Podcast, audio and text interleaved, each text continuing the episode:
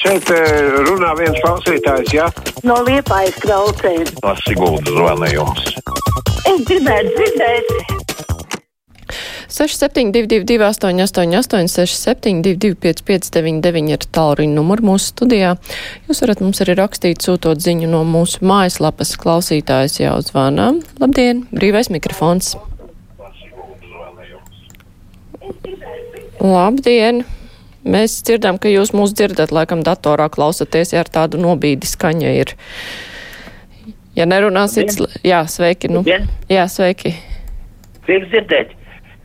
Es te vakar skatījos mūsu panorāmu. Es tā īsti nesaprotu, kas tajā Rīgas domē notiek. Nevar, nevar īsti saprast, kas tur īsti ir kristieši savā starpā ņemās. Ne, nesaprotu, kas tur notiekās ar staķi un tiem visiem pārējiem. Varbūt kāds ar kaut ko paskaidrot. Nu, kaut kas jocīgs tur notiekās. Paldies! Droši vien ir domāts ar īpašuma departamenta vadību, tas cīkstiņš, jā, nu, kas notiek.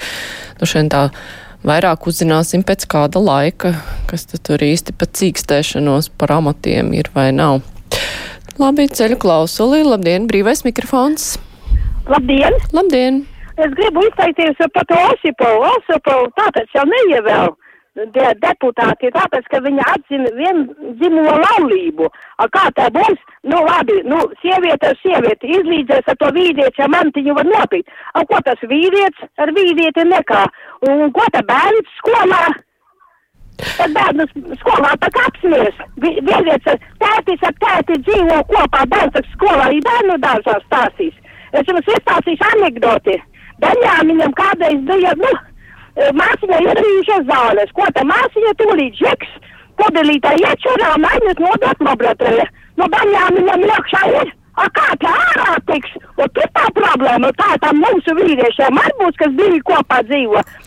Jā, nu jūs esat labi iedziļinājusies šajos jautājumos. Nu, redzi, deputāti jau tā skaidri nesaka, ka viņi tieši šī iemesla dēļ nav apstiprinājuši. Tur tika piesaukt arī profesionalitāti un tā. Bet, nu, katrā ziņā mēs arī diskutēsim par to raidījumā, par to, nu, vai ir konstitucionālā krīze saistībā ar šo saimnes lēmumu vai nav. Diskutēsim par to. Brīvais vai pazuda? gribēju pacelt klausulu. Klausītājs mums ir uzrakstījis, labdien, jums šodien lielā intervija ar armijas cilvēku. Es tad vēlos, lai jūs pavaicātu, kā viņš un vispār vajadzētu skatīties uz gadījumu. Nu, viņš pats arī dienēs padomju armijā, un kas ir pārsteidzoši, vai zinat, ka Latvijā pat 30 gadus esot jau neatkarīgai, esot Eiropas Savienībā un NATO ir vietas, darba vietas, kur svin atzīmē un vāc kopīgu naudu vīriešu dienai 23. februārim, un kad cilvēks iebilst, ka mums ir neatkarīga valsts, esam NATO, Eiropas Savienībā un Latvijas armijas diena ir cits datums, tad skatās virsū kā uz brīnumu.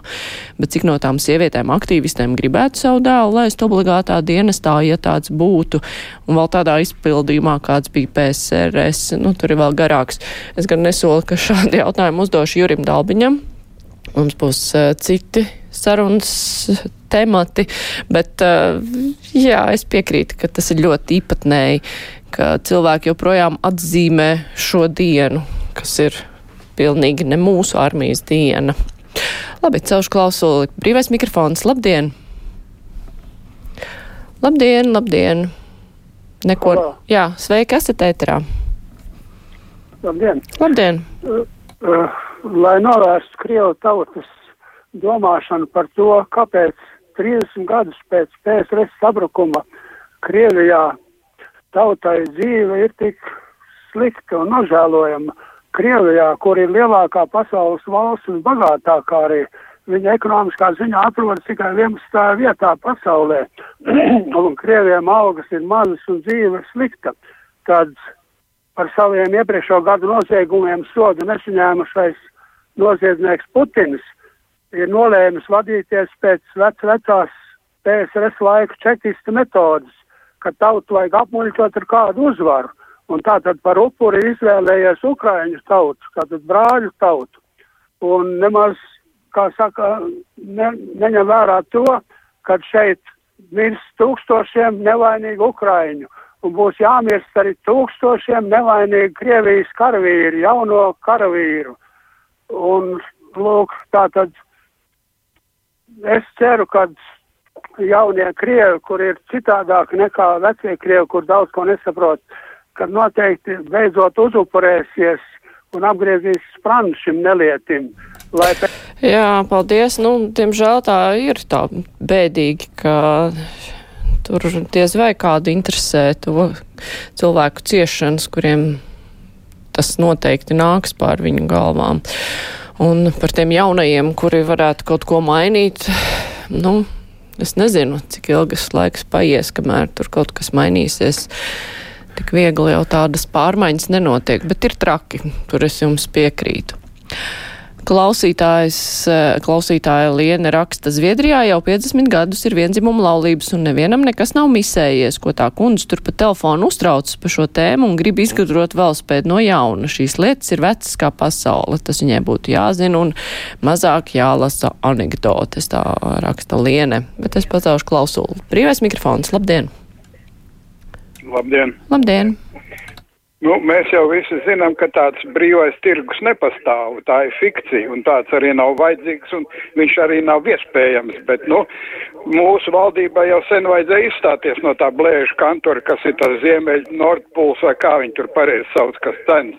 Bet tagad mēs maksājam par to, ka mēs tur neizstājamies ārā. Mums savas elektrības pietiek, ka vajadzētu piepirkt no Baltkrievijas, un tā ir drausmīga nelietība. Bet es vēl gribu pateikt arī par, par tā saucamajām ostām, vai ne? Mūs jau cilvēki nezina, mūs tiek maldināti, ka tur kaut kas mainīsies, un kas tur nekas nemainīsies. Tur vienkārši pašvaldībām mazāk ietekmi uztaisīs, bet faktiski ostas ir sen privatizētas, un tur tikai zemi iznomā, un nekas tur valstī nekāda ienākuma nav. Tā ir laupīšana. Paldies! Paldies par jūsu viedokli savukārt. Bet uh, klausītājs uh, Igors raksta, ja tā labi padomā, tad Krievijai tā vispār nav ar ko lepoties, nav nekas sasniegts un izdarīts. Tur ir apaļa nulle. Vienīgais, ko var izdarīt Krievija, tas ir iebrukt, iznīcināt, okupēt.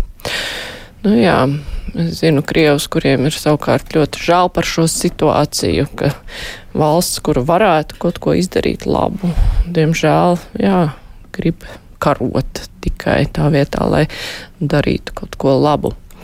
Klausītājs zvana brīvais mikrofons. Labdien! Labdien! Labdien!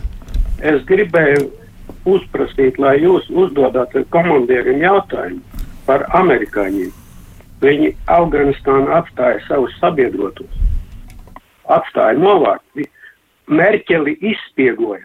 Kauns man, godīgi sakot, un vēl piekās ar Merķeli. Nu, kas tas bija jau, kas kādreiz bija?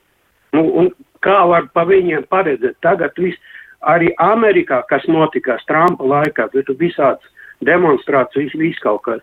Nu, es nezinu, mūsēja tikai propagandē, uzbruks, uzbruks, uzbruks katru dienu.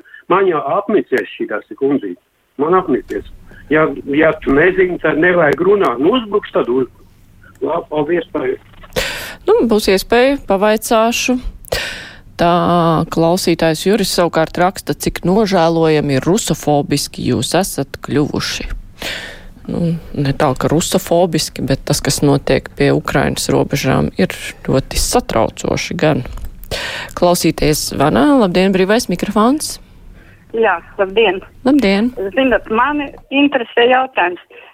Tagad tā situācija, kas ir ar Ukrainu, vai tad apvienotajām nācijām tur nebūtu nekāda teikšana?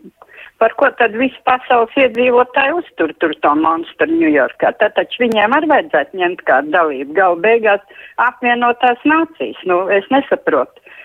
Kas varētu to izskaidrot, ar ko tad viņas īsti nodarbojas? Ar Āfriku vien vai jebkādu? Jā, paldies. Nu, ne tikai ar Āfriku vien, bet uh, tur jau tās valstis arī, kurām ir ko pārmest, tur arī piedalās.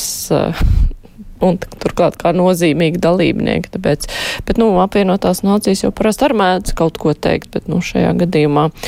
Jā, mums ir jāpaļaujas drīzāk uz NATO Klausītājs zvana, labdien, brīvais mikrofons. Nu, mēs esam porī. Nē, jūs esat tikai jūs. es visu laiku nevaru sagaidīt, tur te vai divi atbildi, nezinu, kāpēc. es gribēju, lai jūs pajautājiet tam kungam, kas šodien būs. Iecamā pārgada atpakaļ bija šaušanas apmācības, un tur jau Krievi mācījās šaut laikam, lai x stundā latviešiem šautu mugurā. Jūs Un domājat vēl- kādas privātas Jā, jā, apmāci- jā, Mhm, jā. jā, jā. Mhm. Un to es gribu zināt, tāpēc, ka uh, tur bija nu, tikai Krievu nodarbības. Un vēl uh, Ribbentrop pakts jau ir bijis, un tāda sajūta, ka atkal kaut kas līdzīgs būs, jo Vācija ar Franciju jau pēc tā Putina, pēc tā Lileputa pārāk bieži tur čupojās. Paldies! Jā, paldies. Nu, cerēsim, ka nebūs viss, cerēsim. Tā. Mm -hmm. Klausītājs Aivars, kurš ir parakstījies no Daugaupils, bet man ir aizdoms, ka tas gan nav viņš. Raksta šodien nezvanīšu, kakls sāp, vajadzētu tomēr saprātīgās robežās saglabāt saikni ar krieviem. Tie tak mūsu kaimiņi, lai nu kādi. Jā, labi, celšu klausuli. Oi, pazuda zvans, lasīšu vēstules. Tā klausītāja Ilva vaicā, vai tad katra valsts nevar pārvietot savā teritorijā armijas spēkus, kur grib, tāpat kā savā mājā, kur grib, tur pārvietoja mēbeles. Kāpēc visu laiku Ameriku mūs baida? Hm. Jā, droši vien, ka ir pamats baidīties, ja aiz durvīm stāv līdz zobiem nobruņojusies bariņš un saka, mēs te tāpat vien, tas ir mūsu īpašums. Tajā pašā laikā ir milzīgs uztraukums, ja kaut kas notiek šajā pusē, turklāt pat ne. Jā, tieši tāpat uh, tur vēl tiek diktēti noteikumi, kuram būt uh, NATO un kuram nebūt. Klausītājs zvana, labdien, brīvais mikrofons. Es esmu ēterā. Jā, jūs esat ēterā. es par citu kaut ko gribēju parunāt. Pēdējā laikā tiek runāts par vārdiem, kas ir tā aizvainojuši tur. Vēģers un arī parādās tāds vārds kā krievs. Tagad tikko olimpiskās spēles eh, finālā hokejā spēlē Somija un, un Krievija. Komentētājs nepārtrauc saka, Somi, Krievi, Somi, Krievi. Interesanti, kā viņš varētu komentēt. Tad Krievi nedrīkst teikt, tad būtu Krievijas eh, pilsonības iedzīvotājs, Krievijas olimpiskās komitejas hokejs, nu, nevajag vēl līdz absurdam aiziet. Es domāju, ka viss atkarēs no into, intonācijas. Ja kuru vārdu var pateikt riebīgi, ja kuru vārdu var pateikt maigi, vai ne? Es domāju, ka tā vajadzētu pieiet tā lietai.